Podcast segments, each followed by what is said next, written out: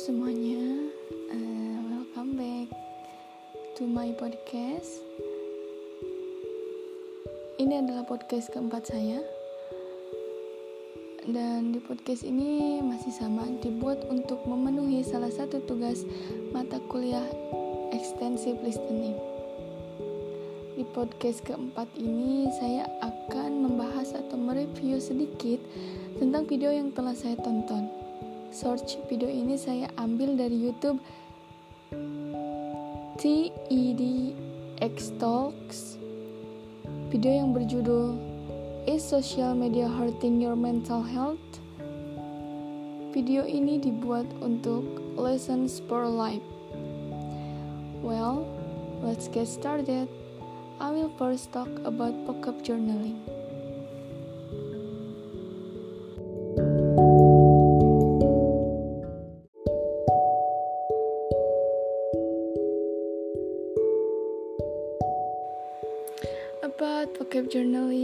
I got about 25 vocab with the meaning. Number one is recognize, mengakui verb. Number two, unintended, tidak disengaja verb. Number three, craft, kerajinan noun. Number four, experiencing, mengalami noun. Number five, incessantly, tanpa henti adverb. Number six, distracted bingung adjective number 7 Jasper. Jasper noun.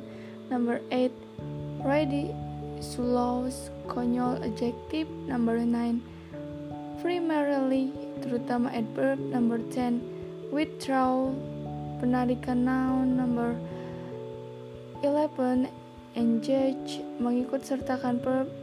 Number 12 immediately segera adverb number 13 collegiate perguruan tinggi adjective number 14 numerous banyak sekali. Noun number 15 average rata-rata adjective number 16 voter pemilih.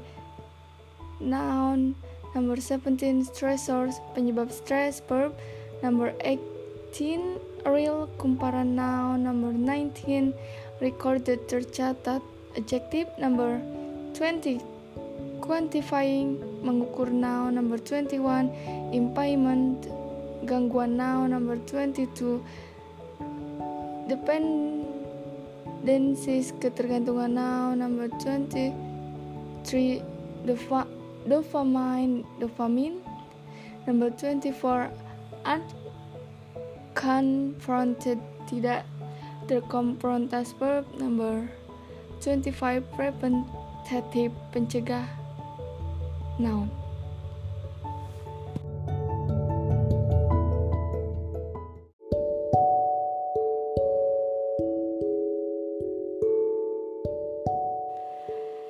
and the second I will discuss a little about the video summary of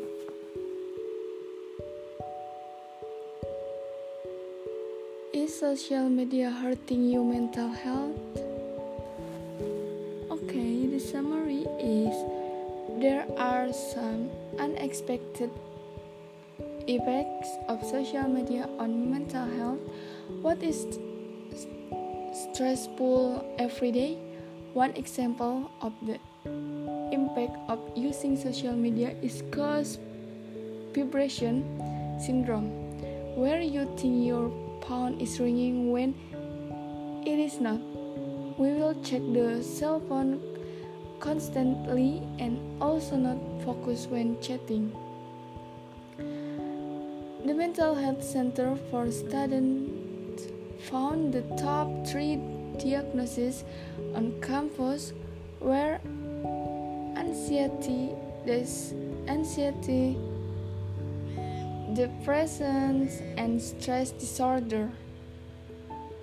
Using social media too often is very worrying about high levels of anxiety and depression. If there is a question, is social media mentally damaging? The answer is not necessarily social media can crush us or make us slow. In conclusion, we only need a few hours a day to use social media filled with inspiration, laughter, and motivation.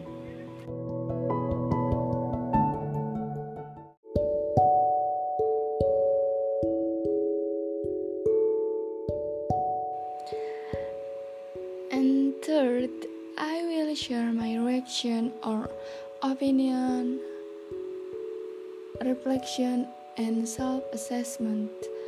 For reaction, in my opinion, the use of social media is very good if it is used naturally, such as for everyday purpose. Don't use it for anything unkind. In my opinion, the bad impact of using social media for a long time can make us lazy because we will focus on social media. It makes our minds become stressed, depressed, and experience anxiety disorders. So that we can still use social media, we should make a, a schedule for when to open social media. For example, opening social media after other activities are finished not using it while chatting and using it for important things only. Reflection I have problem with my vocabulary, pronunciation and listening in the long time.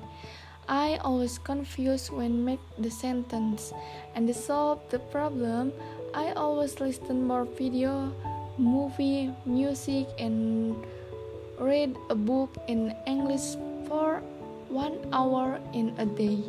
I always learn to remember vocabulary, train my pronunciation.